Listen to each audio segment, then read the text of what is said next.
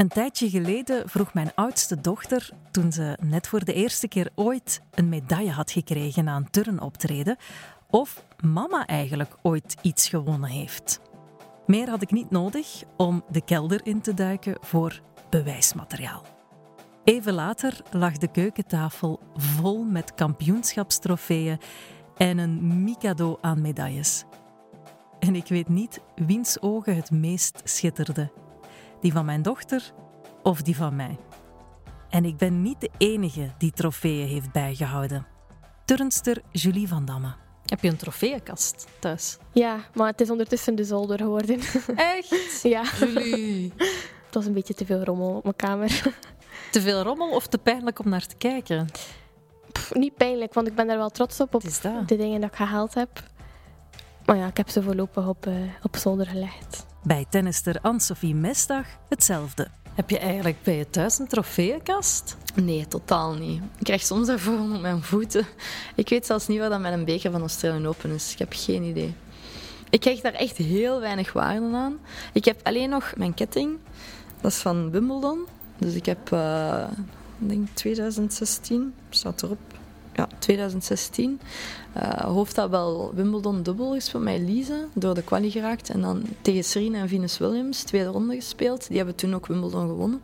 Dat is eigenlijk het enigste dat ik echt veel waarde aan hecht. Als En wat is dat dan? dat is gewoon een raketje dat ik op Wimbledon zelf gekocht heb. Wielrenner Kevin Seeldraaiers heeft zijn trofeeën wel uitgestald. Die twee bekers hier, of bekers, ja, ik het zo mag noemen, van Parijs-Nice en de Ronde van Italië, die staan hier in mijn living. Maar dat is, ja, dat is ook alles. Een trui of zo ga je hier ook niet zien hangen Ah ja, uw twee witte truien.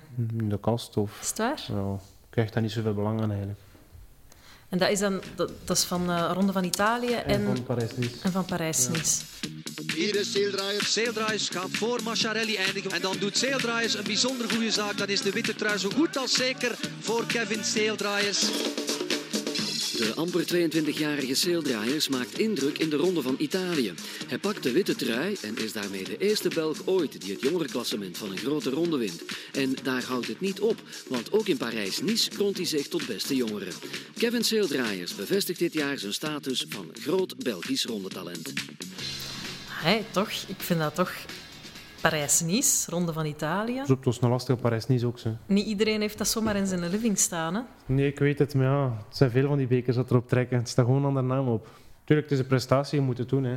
Maar ik vind het toch goed dat ze een plaats hebben gekregen. Toch? Dat ze... Of een plaats, ja. de gordijn toe doen zie ze niet meer. Hè.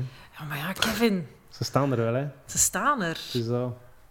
Ze mogen er blijven staan. tuurlijk dat. Het zijn de enige aandenkens die Kevin Seeldraaiers nog heeft aan zijn tijd als profrenner. En heb je nog veel contact met mensen van toen? Nee, zo goed als niet meer. Ik denk, zo eens dat je eruit bent, ook een totaal ander leven. Hè. Dus ja, ik ben een gewone werkmens eigenlijk nu. En zij, ja, op de fiets, ze zien ook sommige, keer sommige renners zijn zij wekelijks of maandelijks eens terug. Ik zie niemand niet meer terug. Ik heb ook niet altijd tijd met mijn werk, met mijn gezin thuis, dus Maar je hebt er ook geen nood aan. Ik heb er ook geen nood aan, nee. Kevin is niet de enige topsporter die geen contact meer heeft met zijn ex-concurrenten of teamgenoten. De mensen met wie je zo lang hebt samengewerkt, met wie je samen hebt gedroomd om bekers en titels te winnen. Zo gaat het gewoon bij de meesten. Laatste training, je geeft een hand. Sommige mensen ziet je zelfs niet meer, die zijn gewoon opeens weg. En that's it, done. Nooit moeilijk mee gehad? In het begin misschien meer omdat, omdat ik toen nog de veronderstelling had van ik heb vriendschappen gemaakt. Hoe meer je move van club, hoe meer dat je beseft van ja, je maakt eigenlijk geen vriendschappen. Je, je hebt een vriendschap voor de tijd dat je samen bent, omdat je samen bent. Je zit in een zo'n andere wereld. En ik weet natuurlijk hoe dat die wereld is. Ik stuur die af en toe wel eens en gewoon eens te checken van hey, hoe is daar en, en zo van die zaken. Maar het is niet dat ik die wekelijks, zelfs niet maandelijks hoor. Dat zeker niet. Ik heb ook niet nog echt veel vriendinnen buiten turnen. Nadat Julie van Damme is gestopt met turnen omdat ze de Olympische Spelen niet heeft gehaald, heeft ze veel minder contact met de andere turnsters. En dat is dan ook wel iets wat je terug hebt moeten opbouwen het afgelopen jaar. Nieuwe vriendschappen. Ja, ja, ja. Toen ik in het begin terug naar de, ho- ja, naar de hogeschool ging, was het wel met een klein hartje, want ik kende niemand. En mijn leven lag eigenlijk nog in Gent, waar ja, al mijn vriendinnen zitten. Dus ja, maar ja, dat is allemaal goed verlopen.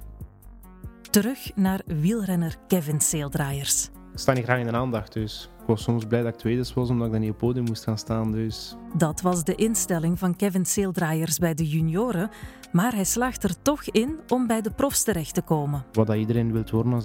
Hij wil, iedereen wil profrenner worden, wil bij de top horen. Verandert uw leven dan niet zo heel hard? Of hoe... Ja, je krijgt dan een maandloon. dus ja, nu krijg ik ook een maandloon, maar dat is eigenlijk ja...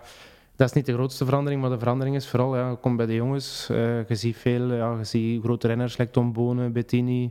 Je kijkt er natuurlijk naar op als jonge renner. Dat is eigenlijk het grootste verschil, terwijl je bij de belofte rijdt, zie je niet iemand dat een status heeft gelijk Tom Bonen. Of like Bettini, dat zoveel keer wereldkampioen geweest is, dat komen we er allemaal niet tegen. Dus. Gisteren was Eddy Merckx in het sportweekend al vol lof over zeildraaiers. Het feit dat de, de, de witte trui heeft, betekent toch iets. Uh, heeft toch uh, veel toekomst. Mogen wij weer positief, optimistisch gaan denken ja, absoluut, naar absoluut. de France toe? En ja, zo. waarom niet? Waarom niet? Ik, denk, ik zou zeggen van wel, ja. Zou tof is dat hij dat zegt. Maar eerst nog zien en dan geloven. Hè. Dus gewoon afwachten. Meer kan ik niet doen. Eigenlijk. Dan gewoon afwachten en blijven trainen altijd. Mijn best blijven doen. Wat was het plan? Het plan was ja, proberen grote rondes, top, toch uh, top 10 te rijden of goede klassementen te rijden. Dat was even gelukt, totdat ik altijd wel ziek werd. En dan ja, is het een beetje in het water gevallen eigenlijk. Ik wist wel dat ik het voor deed, maar ik ben er eigenlijk niet echt volledig geraakt. Wel een deel, maar niet volledig. Tien jaar geleden is iedereen het erover eens. Kevin Seeldraaiers gaat de nieuwe grote ronderenner worden, waar ons land al zo lang op wacht. Ja, het zijn prestaties. Vooral in Paris-Nice en in Giro zijn prestaties. Maar ja, als je ziet dat eigenlijk meer uit de carrière wil halen, is het niet zoveel dat erin zat. Na zijn witte trui in Parijs-Nice en de Giro begint het mis te gaan. Misschien de grinta een beetje dat ik wel een beetje miste. Dat is vooral ja, enorm veel stress, zeker dat het niet goed gaat. In het begin is het allemaal niet erg geweest. De profjaar is eigenlijk, alles wat je doet is goed. Je tweede verwachten ze dan natuurlijk wat meer, want het eerste jaar is ook al niet zo slecht geweest. En dan natuurlijk het jaar daarna verwachten ze weer meer. En dan ja, natuurlijk, de druk wordt altijd groter en groter. En zeker dat het niet altijd lukt. Wat is er dan misgelopen? Nou, wel, na 2009 ja, had ik eigenlijk een heel goed jaar. En dan 2010 ging Tour de France rijden. Maar in Tour de France was ik ziek geworden. Daarvoor werd ik ook af en toe was ziek. En dat waren altijd ja, verkoudheden, bronchitis.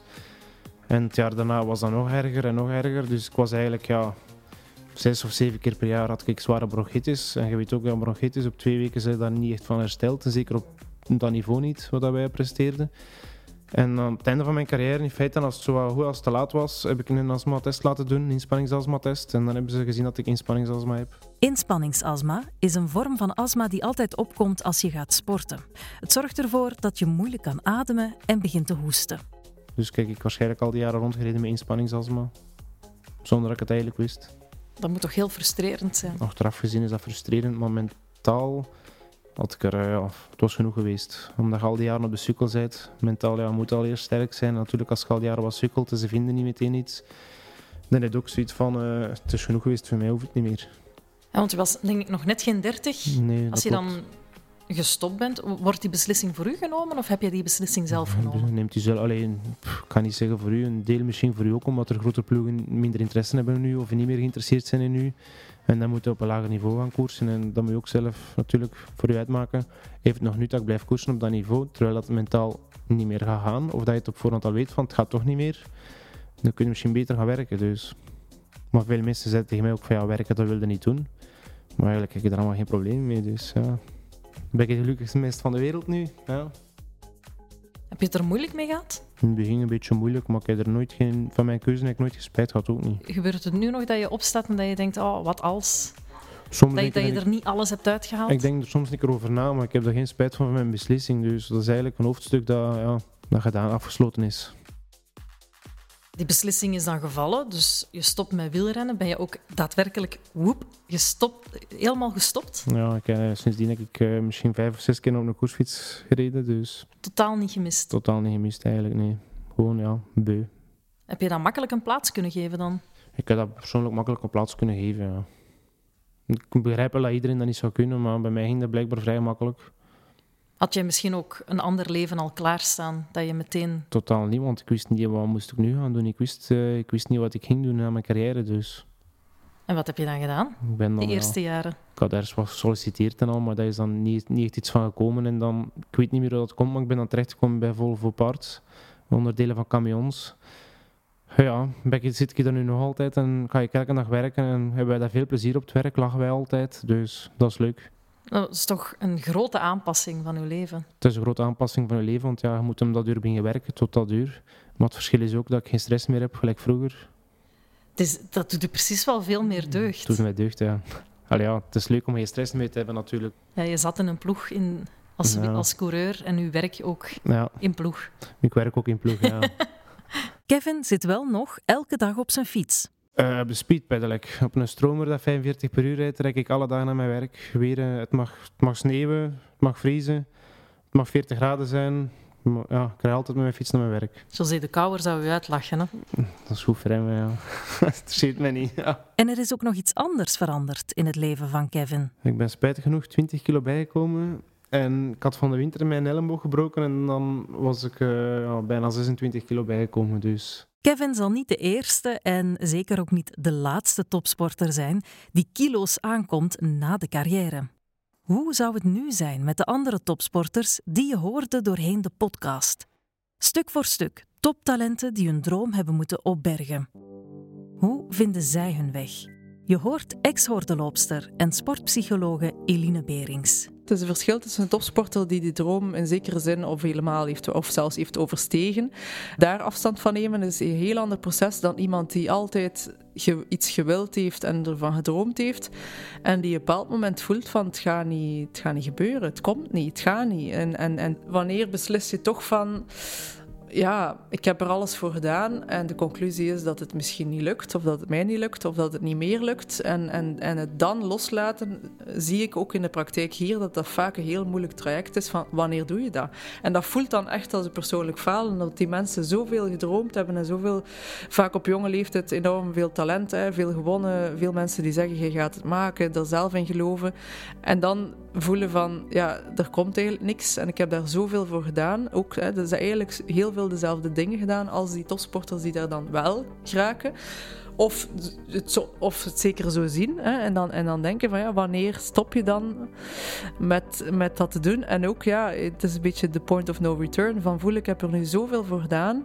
Ja, om het dan gewoon te zeggen, oké, ik ga ik laat het los en ik ga iets anders doen, is vaak echt wel een moeilijk traject. Hoe is dat proces verlopen bij de sporters? En waar staan ze nu? Dat was even wennen natuurlijk, hè, want dat is ook een sprong in het ondiepen. Hè. Je hebt heel je leven hetzelfde gedaan en dan moet je iets anders gaan zoeken. Tennister Anne-Sophie Mesdag stopte op haar 24ste met professioneel tennis. Dat was niet gemakkelijk. Ik heb ook negen maanden toen thuis gezeten. Maar ik had dan mijn politieproeven gedaan. Uh, ik heb heel die selectieprocedure afge, afgewerkt. Ik ben dan mogen starten. Ja, en dan had ik, ik had een nieuw doel. Hè. Ik had zoiets van, ik ga dat doen. Bij de politie? Uh, ja. ik, uh, en dat is op zich, die, die testen zijn allemaal vlot gegaan. Ik heb mijn opleiding vrij vlot afgewerkt. Ik zeg, als ik voor iets ga, dan wil ik dat goed doen. En dat was daar niet anders. Maar corona komt. En dat doet Anne-Sophie twijfelen aan haar job bij de politie. Ja, want we zitten hier nu voor alle duidelijkheid niet bij de politie. Nee, inderdaad. We zitten uh, in Steppen, in Puurs. Ja, eigenlijk mijn, mijn ja, thuis eigenlijk voor een stuk. Ik, uh, ik ben hier meer dan thuis. En wat doe je nu dan? Ja, ik leid samen met Cindy de tennis- en uh, padel academy Playon. Met veel tennis- en padelbanen. Ik geef uh, vandaag zoiets van half twaalf tot training. Dus ja, dat is de hele tijd overdag. Hè. Anne-Sophie geeft er les, maar doet ook de administratie. Ik wou geen 50 uur les per week geven. Dat zag ik niet zitten. Maar de administratie is ook wel een groot deel van de job. Uh, ik denk aan de mails, planning maken, facturen. Um, komt wel wat bij kijken. En dan heb ik uh, uiteindelijk beslist om uh, te stoppen bij de politie. Weliswaar mijn loopbaanonderbreking. Um, dus ik heb nu mijn tweede jaar al aangevraagd. Dus dat is tot eind 2023 lopende. En dan zal ik zien wat ik doe. Maar ik zie de kans klein dat ik nog terug zal gaan. Uh, ik ben hier heel gelukkig. Ik doe die job graag. Ik heb een fantastische collega. Ja, ga maar door met schroef. Laurien, het is niet slecht, maar je zit een beetje te veel met je hoofd zo. Hoofdneutraal. Turnster Julie van Damme is nog maar 18 als ze er een hele turncarrière heeft opzitten. Nu geeft ze turnles in Brugge. En voorlopig de typische geur van turnzaal. Vind je nog leuk? Ja, maar de turnzaal hier ruikt anders dan de turnzaal in Gent. Dus voor mij is dat, ik weet niet, een ander gevoel. Ah, okay. Als ik nu soms in de zaal in Gent kom, dan denk ik van, ja, ik herken het weer. Maar hier is dat... Uh... Kom je daar dan nog geregeld? Af en toe een keer. Ga ik wel nog een keer op bezoek komen, te kijken hoe dat met iedereen is. Dat vinden ze wel Een leuk. keer buiten babbelen, ja. En wat doet dat dan als je daar dan binnenkomt? Met die geur, die specifieke Ja, geur? heel veel herinneringen. Soms denk ik dan van ja, ik heb wel echt de juiste keuze gemaakt om hier niet meer elke dag ja, te moeten staan. En soms denk ik van ja, ik mis het wel een beetje om ja, die sfeer te hebben met iedereen dat je naar training vertrekt of van training komt. Maar ja. Eerst voelde dat heel hard aan alsof dat ik zo twee weken vakantie had of zo en dat ik dan over twee weken terugging. Maar dan ja, werd dat zo wel echt realiteit dat nu echt gedaan was. En dat er precies zo een stukje van mijn leven stopt. Of ja, eigenlijk heel mijn leven was turnen. Dus dat stopte nu en nu moest ik mezelf eigenlijk helemaal opnieuw gaan ontdekken. En ontdekken van, ja, wie is Julie buiten turnen? En ja, wat doet zij graag? Wat zijn haar interesses? Mama heeft mij daar heel goed in begeleid. En ik heb ook dan zo een studentenjobje gedaan, waardoor ik altijd bezig was wel. Maar ik denk, moest ik zo ja, niks te doen gehad hebben, dat ik wel ja, diep zou kunnen vallen. Omdat je echt constant bezig was, constant die, eh, structuur had. En dat viel plots allemaal van de een op de andere dag weg. Julie van Damme studeert op dit moment voor kleuterleidster aan de hogeschool. Wat doen de andere sporters nu? Funtje Oyo, Waard Bouwens en Joren Steinbach? Dat kom je straks te weten. Eerst had ik nog een vraag voor alle sporters. Stel dat er in jouw toekomst eh, kindjes in het vooruitzicht eh, zouden zijn en dat die later tot bij jou komen. Mama, ik wil eh, topsporter worden. Wat zeg je dan? Ik zou het ze zeker laten doen, maar ik zou wel zeggen van... Weet dat je er heel veel voor moet opofferen. En dat je er zeker 100% voor moet gaan. Ik zou alle voetballen verstoppen, altijd. Moest ik ooit kinderen hebben, dan zou ik die nooit eh, zelf dat laten doen. Wie ben ik om te zeggen dat dat niet mag? Het zal toch met een bang hartje zijn dan. Tuurlijk mogen ze dat. Graag. Maar ik kan er ook echt wel mee leven als ze het niet worden. Het is een harde wereld. Het is meer gewoon die wereld waar dat je in stapt. Daar zou het meer met een bang hartje zijn. Want ik weet hoe hard dat het kan zijn. En zeker voor een kind. Dan ga ik veel uit met de fiets moeten rijden terug, denk ik. Mijn oudste dochter heeft, eh, heeft drie jaar gebasketbald. Vond ik dat ze dat eigenlijk ook wel goed deed. Maar nu na drie jaar heeft ze gezegd van ik, ik, ik, ik doe het niet graag. Ik wil stoppen. Ja, die is, die is ook een tijdje buiten gewoond dan, uiteraard. Dat is niet waar. Ik, eh, ik zie het wel het verschil tussen jongens zoals ik, die, die vrij vroeg vertrokken zijn naar het buitenland en, en vrij vroeg hun eh, eerste contract hebben getekend en dan die, die druk gelijk ervaren hebben van ah ja, ik moet mijn debuut maken zo jong mogelijk. Ik wil de jongste zijn om mijn debuut te maken. Terwijl er ook jongens zijn die, die hebben gewoon naar het middelbaar gegaan.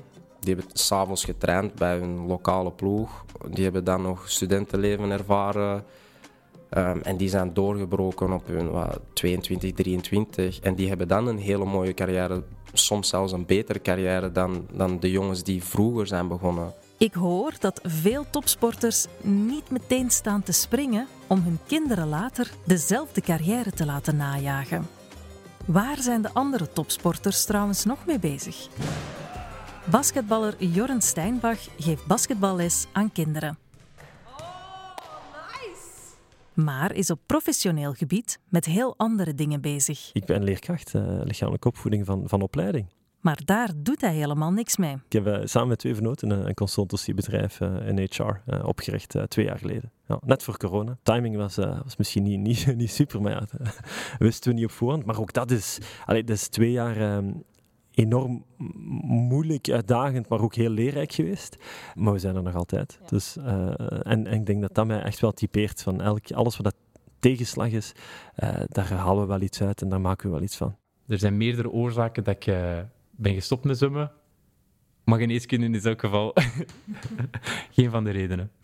Zwemmer Wart Bouwens die studeerde tijdens zijn topsportcarrière al geneeskunde. Geneeskunde op zich eh, ook nooit echt een passie geweest heeft me eigenlijk ook niet echt geïnteresseerd. Tijdens de opleiding ook. En dan zeker uh, later merkte dat als je dan de job doet, van ik heb nu zo lang gestudeerd en uh, misschien toch niet voor mij.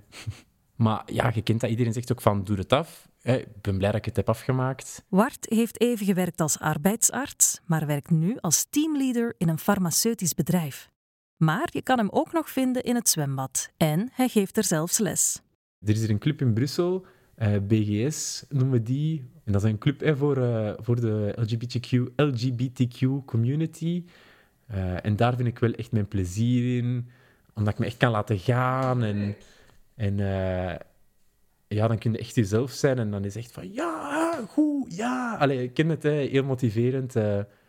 dat kost ook geen moeite, want je kent alle zaken van een techniek. Zeker als ze al wat kunnen zwemmen. Hè, dat is, eh, dus dat ook wel, eh, wel veel. En dan nog voetballer Funcho Oyo. Toen ik hem sprak, was hij einde contract bij zijn club Aberdeen in Schotland.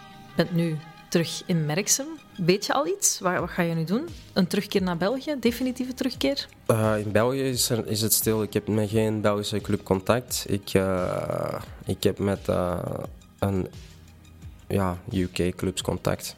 Ik ben dicht bij een club in, in Engeland. Maar ik ben er nog niet helemaal van overtuigd, omdat het, het is een vrij grote stap terug qua niveau. Maar het is een mooi project en met mooie eigenaren. Dus we, we, we zien het. Ehm, ik ben er heel chill onder. Je gaat door fases waarin het contract is afgelopen en je zegt: Ik heb het goed gedaan, komt goed. En dan begint het te komen en dan zegt ze van ja, eh, ik ben nog altijd relaxed, maar het begint toch te kriebelen van ja, wa- waarom is er nog niks? En dan anders gaat er weer een tijd voorbij en dan begint je toch iets vaker te, te sturen naar je agent van ja, is er nog niks? En dan de laatste fase denk ik is paniek, maar daar ben ik nooit geraakt. Ik zit nu in de tweede fase waarin ik zoiets heb van ah, ik ben relaxed, ehm, maar het mag wel komen. Ja. Ja. ja. Je bent de 30 gepasseerd. Hoe lang zie je je nog voetballen? Ehm, fysiek tot in mijn 40. Mentaal nog twee maanden. Funcho heeft intussen getekend bij een andere club, Port Vale, een club in League One van de Engelse voetbalcompetitie. Hij is dus de enige die tot op heden nog steeds actief is als topsporter. Als die clubs deze willen geven aan ons om achter een balkje te lopen, ja, dan moet je dat zo lang mogelijk doen. Want zo zwaar is het natuurlijk ook niet als je het vergelijkt met andere dingen. Heb je spijt van iets? Van veel, maar probeer er niet bij stil te staan. Nee, kijk gewoon vooruit. En eh, ik kijk vooral uit naar, die, eh, naar de volgende twee fases van het leven, de laatste fases. En eh, ik denk dat die eh, nog mooier gaan zijn eigenlijk dan, dan de fase die al geweest is. Dat heb ik ook zo gezegd in, in mijn gelofte bij de trouw tegen mijn vrouw. Van, ik kan niet wachten totdat we aan ons echte leven beginnen eigenlijk. De beste is to come. Zeker, zeker. Dit was Net Niet, een podcast naar een idee van mezelf, Astrid de Meuren, in opdracht van M&M en in samenwerking met Sportza en VRT Max. Dankjewel aan Kenneth Bert voor de opname, montage en ondersteuning. Laurien Verreken voor de eerlijke feedback. En tot slot natuurlijk iedereen die in deze podcast aan het woord hoorde. Eline Berings voor de toelichting als sportpsychologe. Funcho Oyo, Anne-Sophie Mesdag, Julie van Damme, Jorren Steinbach, Wart Bouwens en Kevin Seeldraaiers om hun verhaal te vertellen.